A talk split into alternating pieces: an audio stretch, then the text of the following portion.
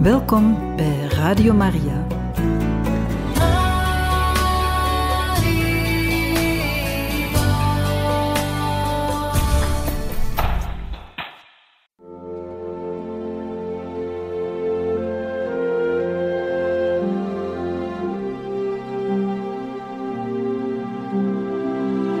Beste luisteraars van Radio Maria, welkom bij het programma Catechismus. Een overweging bij de geloofschat van de kerk.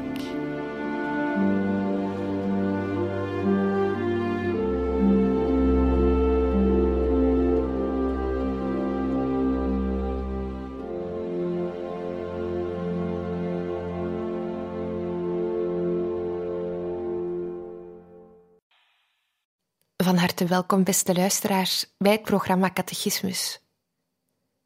Vandaag luisteren we verder naar priester Daniel de Witte in zijn catechese-reeks over het symbolum van het geloof. We zijn intussen aan de vierde catechese toegekomen. In de naam van de Vader, de Zoon en de Heilige Geest.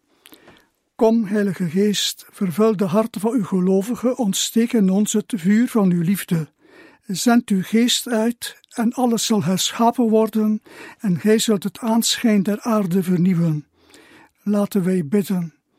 God onze Vader, altijd opnieuw hebt gij uw leerlingen onderwezen in de ware kennis van het geloof. We vragen u dat wij ook vanavond of vandaag mogen komen tot het ware inzicht in u en in Jezus Christus, uw Zoon.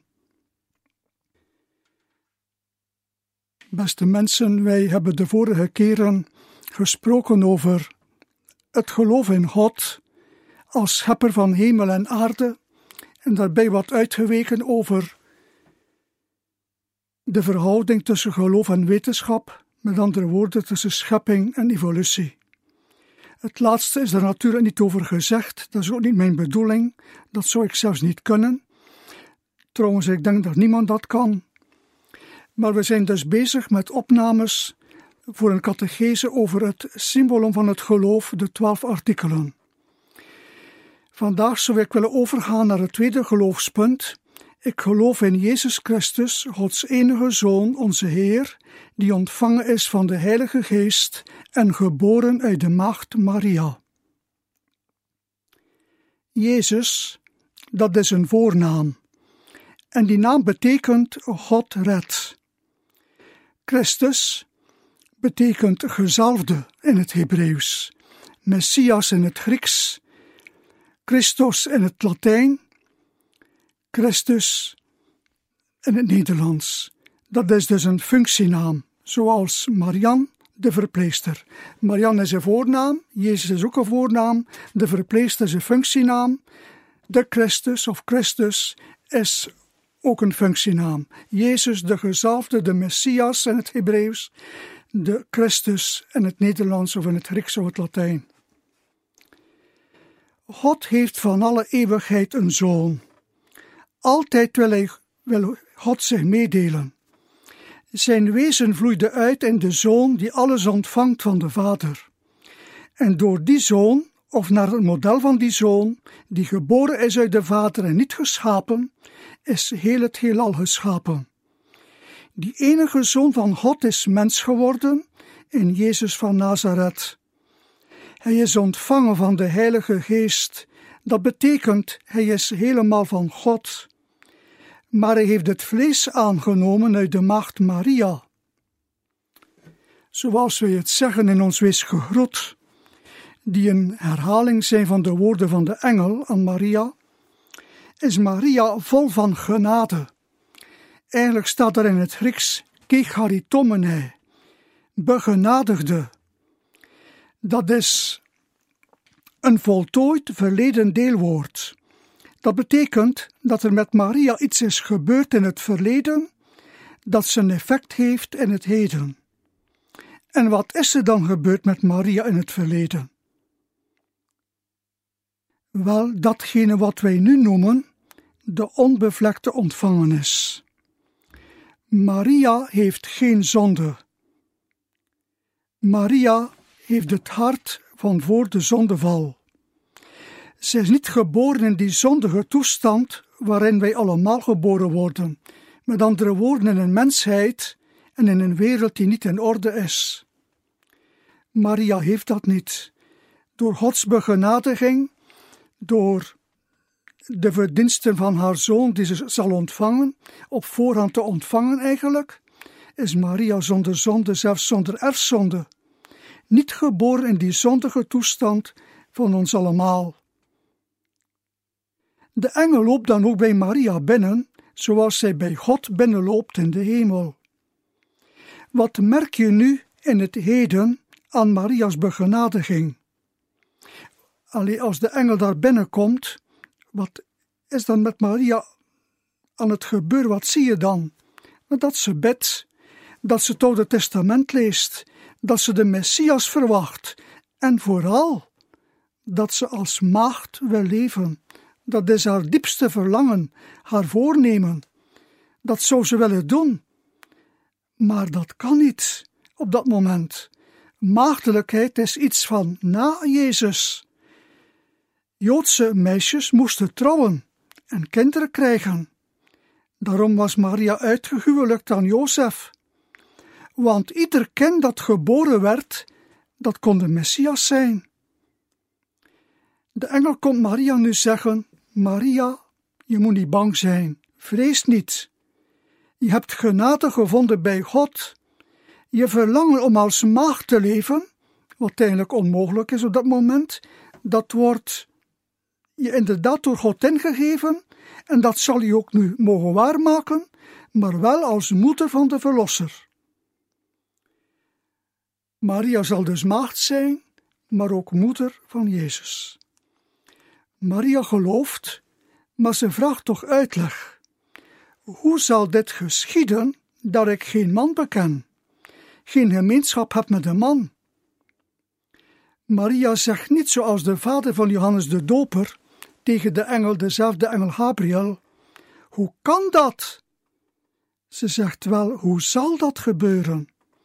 En de engel antwoordt: De Heilige Geest zal over u komen, en de kracht van God zal u overschaduwen.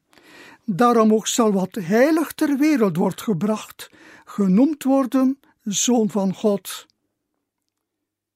Als Jezus maar het kind van Jozef zou zijn, dan zou hij niet radicaal nieuw zijn. Mensen, ik heb dat de vorige keer al gezegd, kunnen maar doorgeven wat ze zelf zijn, deels goed, deels zondig. Maar Jezus is werkelijk helemaal van God, helemaal nieuw. En dat hij van God is, dat moet je niet biologisch verstaan. Ik heb daar moeite mee als mensen soms zeggen: Ja, God heeft daar gezorgd voor een mannelijk zaadje of zoiets. Ik vind dat dat ons niet toekomt om te weten hoe dat in zijn werk is gegaan. Dat Jezus de Zoon van God is, dat is niet biologisch te verstaan, dat is wel in zijn wezen te verstaan. Wezenlijk is Jezus gelijk aan God, aan de Vader. En we moeten dan niet weten of willen weten hoe dat in elkaar zit. Dat is zo beetje zoals met de wonderen die Jezus ook later zal doen in zijn leven. Als hij de wonderbare broodvermenigvuldiging doet, wel dan neemt hij vijf broodjes en twee visjes van dat jongetje aan, dat door Andreas aan wordt gewezen, en dan zegt hij tegen zijn leerlingen, deel maar uit. En het gebeurt het wonder in de handen van de leerlingen. Iedereen krijgt een broodje, krijgt een visje. Hoe? Dat weten we niet, dat wordt niet gezegd in het evangelie. Dat is Gods geheim.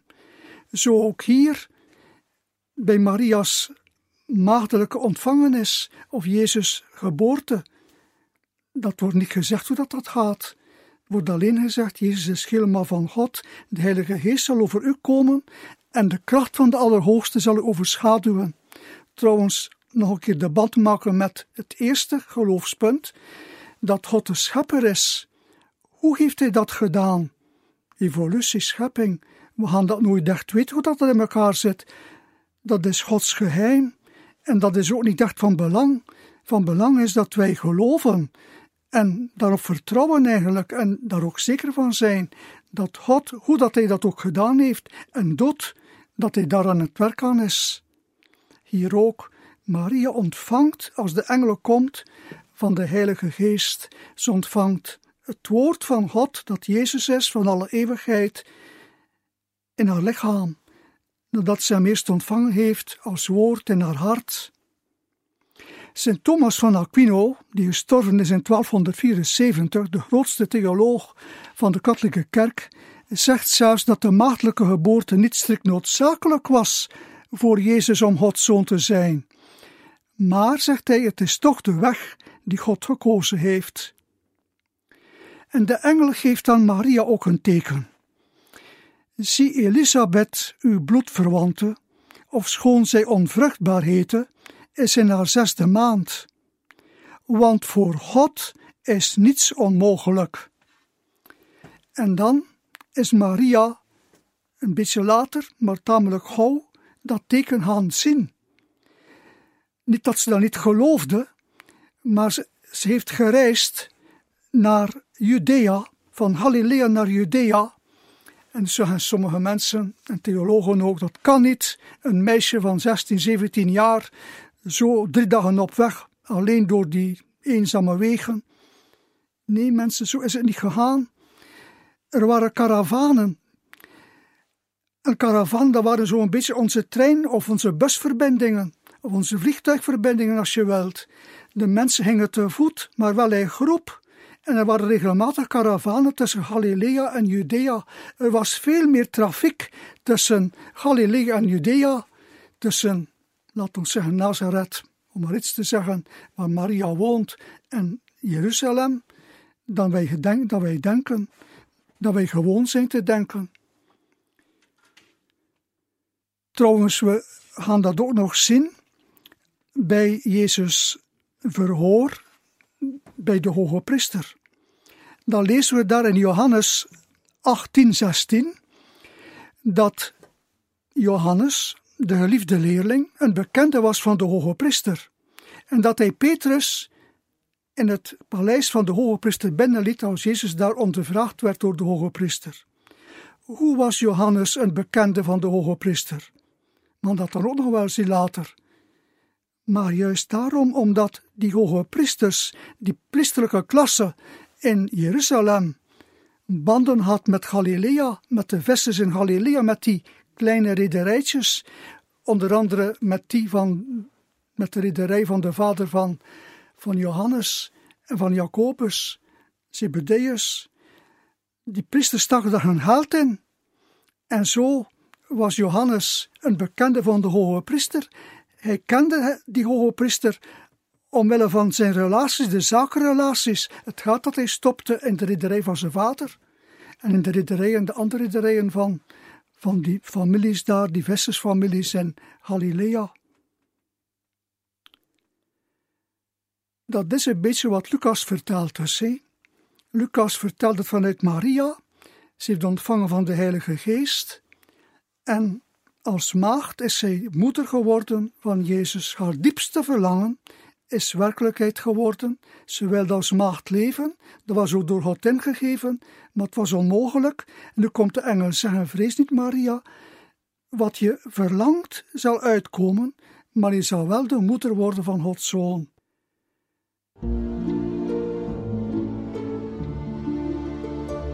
Voici que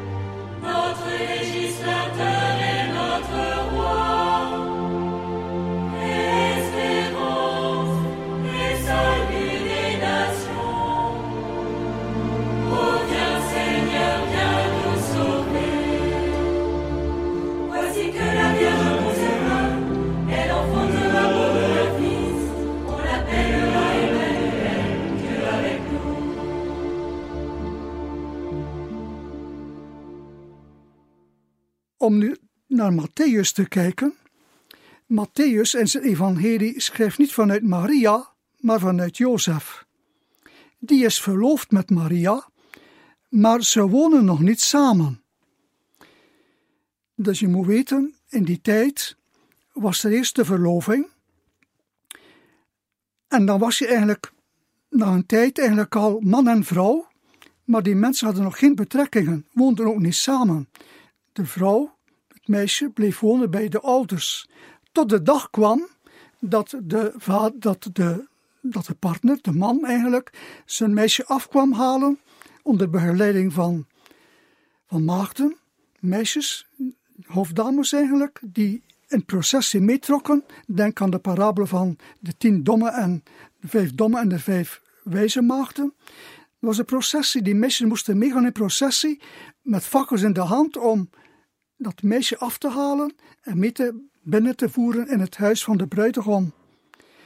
Dus Jozef en Maria waren verloofd, waren eigenlijk al wettelijk man en vrouw, maar woonden nog niet samen, hadden nog geen betrekkingen en dat mocht ook niet.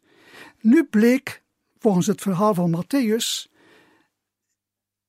Maria, voordat ze gingen samenwonen, zwanger van de Heilige Geest. En als de evangelist dat zegt, is dat niet omdat aan Jozef te zeggen, dat is aan ons dat hij dat zegt.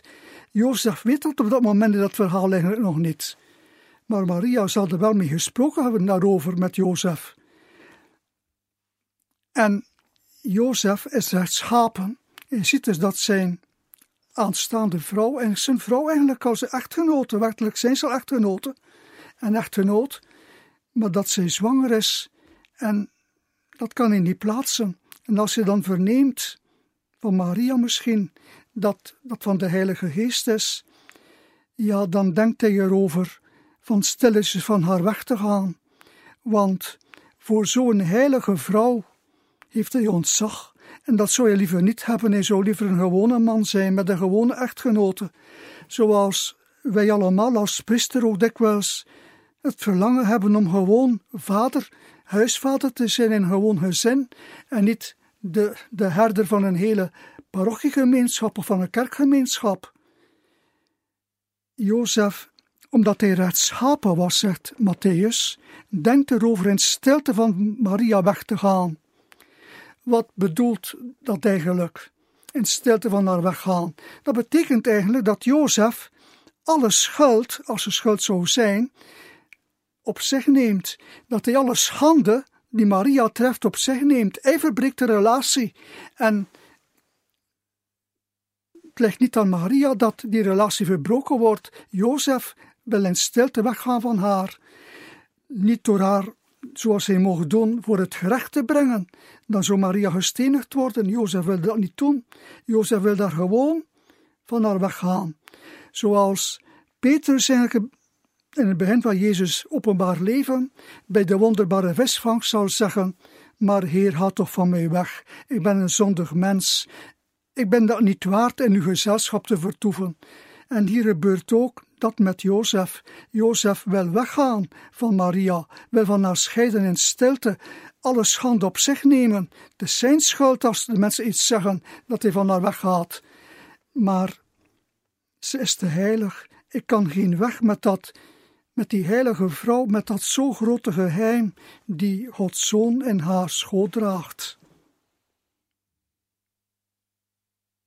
Maar dan komt in een droom een engel naar Jozef.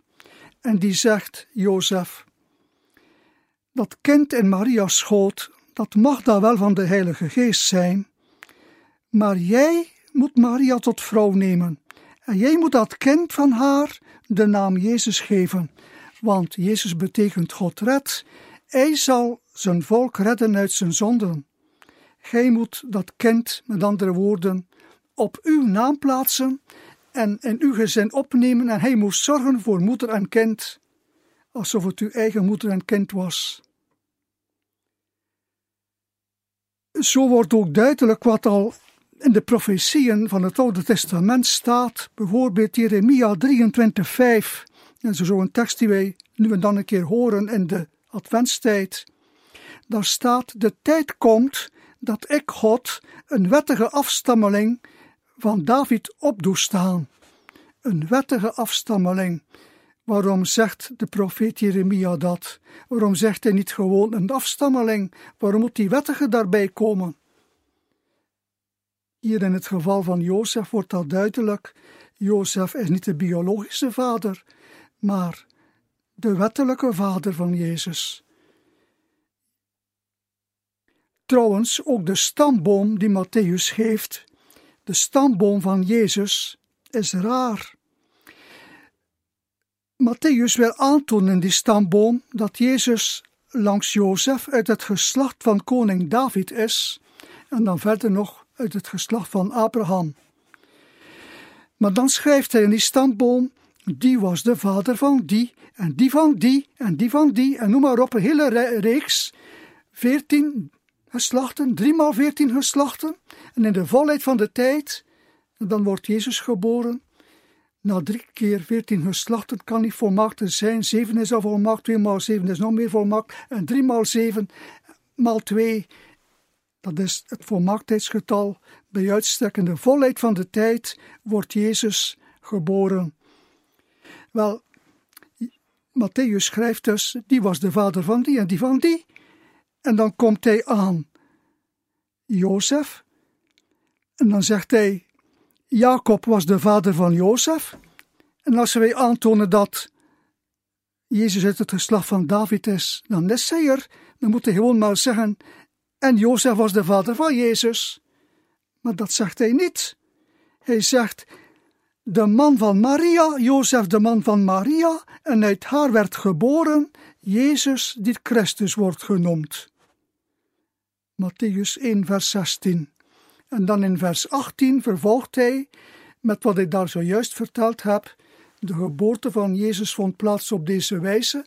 Toen ze verloofd waren, bleek Maria zwanger van de Heilige Geest en Jozef wilde scheiden, alle schuld op zich nemen en Maria vrijuit doen gaan, haar niet voor het gerecht brengen, maar toch liever weg, liever een gewoon huwelijk en niet zo, ja, dat moeilijke dat de priesters ook soms hebben. Waarom moeten wij nu vader zijn of herder van een hele kerkgemeenschap. Dat is ook onze bekoring soms. Jozef had dat ook. Maar hij doet wat de engel hem zegt. Hij neemt Maria tot zich. En dan voegt Matthäus daar nog een woordje aan toe. Een profetie die vervuld wordt. Dat alles is gebeurd opdat in vervulling zou gaan het woord door de profeet Jesaja gesproken Zie, de maagd zal zwanger worden en een zoon ter wereld brengen, die zij zal noemen Immanuel, God met ons. Nu is daar ook nog iets bijzonders over te zeggen. In het Hebreeuws staat daar namelijk bij Jesaja hoofdstuk 7 de Alma. De Alma zal, een, zal zwanger worden en een zoon ter wereld brengen, die men Immanuel zal noemen. Op dat moment wordt dat gezegd door de profeet Jesaja tegen koning Achas. En Achas zat een beetje in de knoop. Achas werd belegerd door Samaria en door ja, uh, Damascus. Twee naburige koninkrijken die hem wilden aanvallen, die Jeruzalem wilden belegeren. En dan denkt Achas eraan om zijn toevlucht te zoeken tot een opkomende koning die de macht van Assyrië overneemt in de jaren 720 voor Christus, zo, 700, ja, zoiets, 730. Dat is namelijk Tiglat-Pileser derde. Tiglat-Pileser derde. Koning Achos wil daar zijn steun bij zoeken. Hij wil dus Assyrië betrekken om, of eigenlijk al Babylon, want Assyrië is dan op het einde van zijn macht. Babel, Babel neemt de macht over. Hij wil dus eigenlijk ja, Tiglat-Pileser III ter hulp roepen om van die koningen van Damascus van Samaria af te zijn. En dan zegt Jesaja, nee, je moet dat niet doen. Die, dat zijn twee rokende stompen brandhout.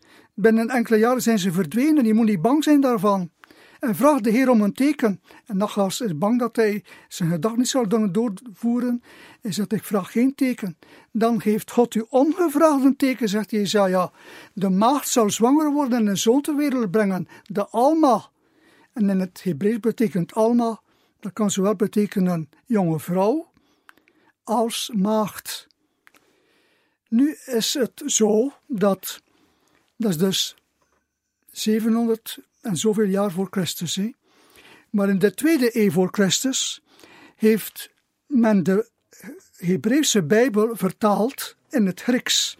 Dat is de zogenaamde Septuagint-vertaling, de Septuaginta. En dat slaat op 70, in Septuagint zit 70 in het Grieks. 70 geleerde Joodse mannen hebben dan geprobeerd die Joodse Hebreeuwse Bijbel te vertalen in het Grieks. Wel nu, in die Hebreeuwse, in die vertaling in het Grieks van dat Hebreeuws, wordt Alma vertaald door Hepartenos, de maagd. En je moet nu goed weten, als Matthäus een evangelie schrijft, en ook dan de evangelisten, dat zij omgaan met, ja, met die Septuagint-vertaling. Ze spreken al Grieks en de Joden zijn dan al verspreid over heel de wereld en die Grieks is van taal meestal. Dus hij neemt dat gewoon over wat daar in de Septuagint staat. Dat is gebeurd, opdat vervuld zou worden het woord van de profeet Jesaja. Zie de maagd, omdat het in de Septuagint zo vertaald wordt. En hij ziet daarin een vervulling van ja, wat gebeurd is met Maria en Jozef. Beste mensen, zijn dat, zoals sommige theologen zeggen, theologumena. Dat betekent, zijn dat maar manieren van spreken om ons geloof in Jezus uit te drukken. Om te zeggen eigenlijk ja, dat Jezus de Zoon van God is en iets speciaal, en dan daar alle soorten verhaaltjes rond geweven, om dan maar te zeggen, hé, wat wij nu lezen in de Evangeliën, wat Jozef meemaakt, wat Maria meemaakt, de engel en zo, zijn dat maar verhaaltjes? Ik denk dat niet. We hebben nooit een professor gehad in het seminarie, een jonge professor. En ik vind dat heel belangrijk dat hij jong was. En dat hij eigenlijk ook een beetje hippie was. Want hij had lang haar en zo, hij was heel modern. Maar hij gaf hele mooie lessen, heel diepzinnige lessen over waar ik over spreek, over de Christologie, over Christus. En op een bepaald moment is hij allemaal zijn, zijn lessen zo op kleine blaadjes. De bel was gegaan en hij vouwde zijn blaadjes dicht en hij zei, jongens, zei hij, nog rappe woordje, zei hij, je moet niet denken dat die eerste christengemeenschappen zo vindingrijk waren en zo fantasierijk dat ze altijd maar verhaaltjes uit de mouw konden schudden waar niets van aan is. Waar er rook is, zei hij, is er vuur. Ik heb dat altijd goed onthouden. Dat was een prachtig woord en ik vind dat zo belangrijk omdat hij een jonge moderne professor was, die later nog uitgetreden is ook nog. Was dat een klassieke professor geweest, dan zou ik aan dat woord niet zo groot belang hebben gehecht. Maar omdat hij dat zei, dat dat geen verhaaltjes zijn, dat heeft mij diep geraakt en dat neem ik mee. Dat heb ik geen mijn leven meegenomen. Dat zijn geen verhaaltjes trouwens. Matthäus en Lucas zouden dat niet geschreven hebben als daar niets van aan was. Op het moment dat zij hun evangelie schreven, moet het zeker zo geweest zijn dat dat al een geloof was in de eerste christengemeenschappen, dat Jezus geboren was uit de maagd Maria, met andere woorden, maagdelijk geboren. Trouwens ook dat verhaal van de engel. Toen in de tijd in het seminarie ook nog, dacht ik, ja, engelen, ja, bestaat dat eigenlijk wel? Je mag dan niet kwalijk nemen dat ik dat nu zeg, maar wij waren mee met die moderne tijd, alles werd in vraag gesteld. Op een bepaald moment las ik iets over Fatima. Ik wist dat ook niet, ik had al veel over Fatima gelezen als ik jonger was, voordat ik in het seminarie was. Maar op een bepaald moment lees ik dat in 1917 is Maria daar verschenen, dus in Fatima. Maar in 1916 is eerst een engel verschenen aan die kindjes, aan die herderskindjes, Lucia en Francesco en Jacinta. En hij noemde zich, ik konde het allemaal aan dat Maria zou verschijnen aan hen. En hij leerde hen ook bidden. Verheffenis vragen dat de mensen niet in God geloofden en zo. En dan zei hij: Ik ben de engel van Portugal. Maar dan heb ik mij toch beginnen vragen stellen. Dan zei ik: Als dat in 1916 kon, waarom ze dat niet gekund hebben bij Jezus, die toch nog veel belangrijker was.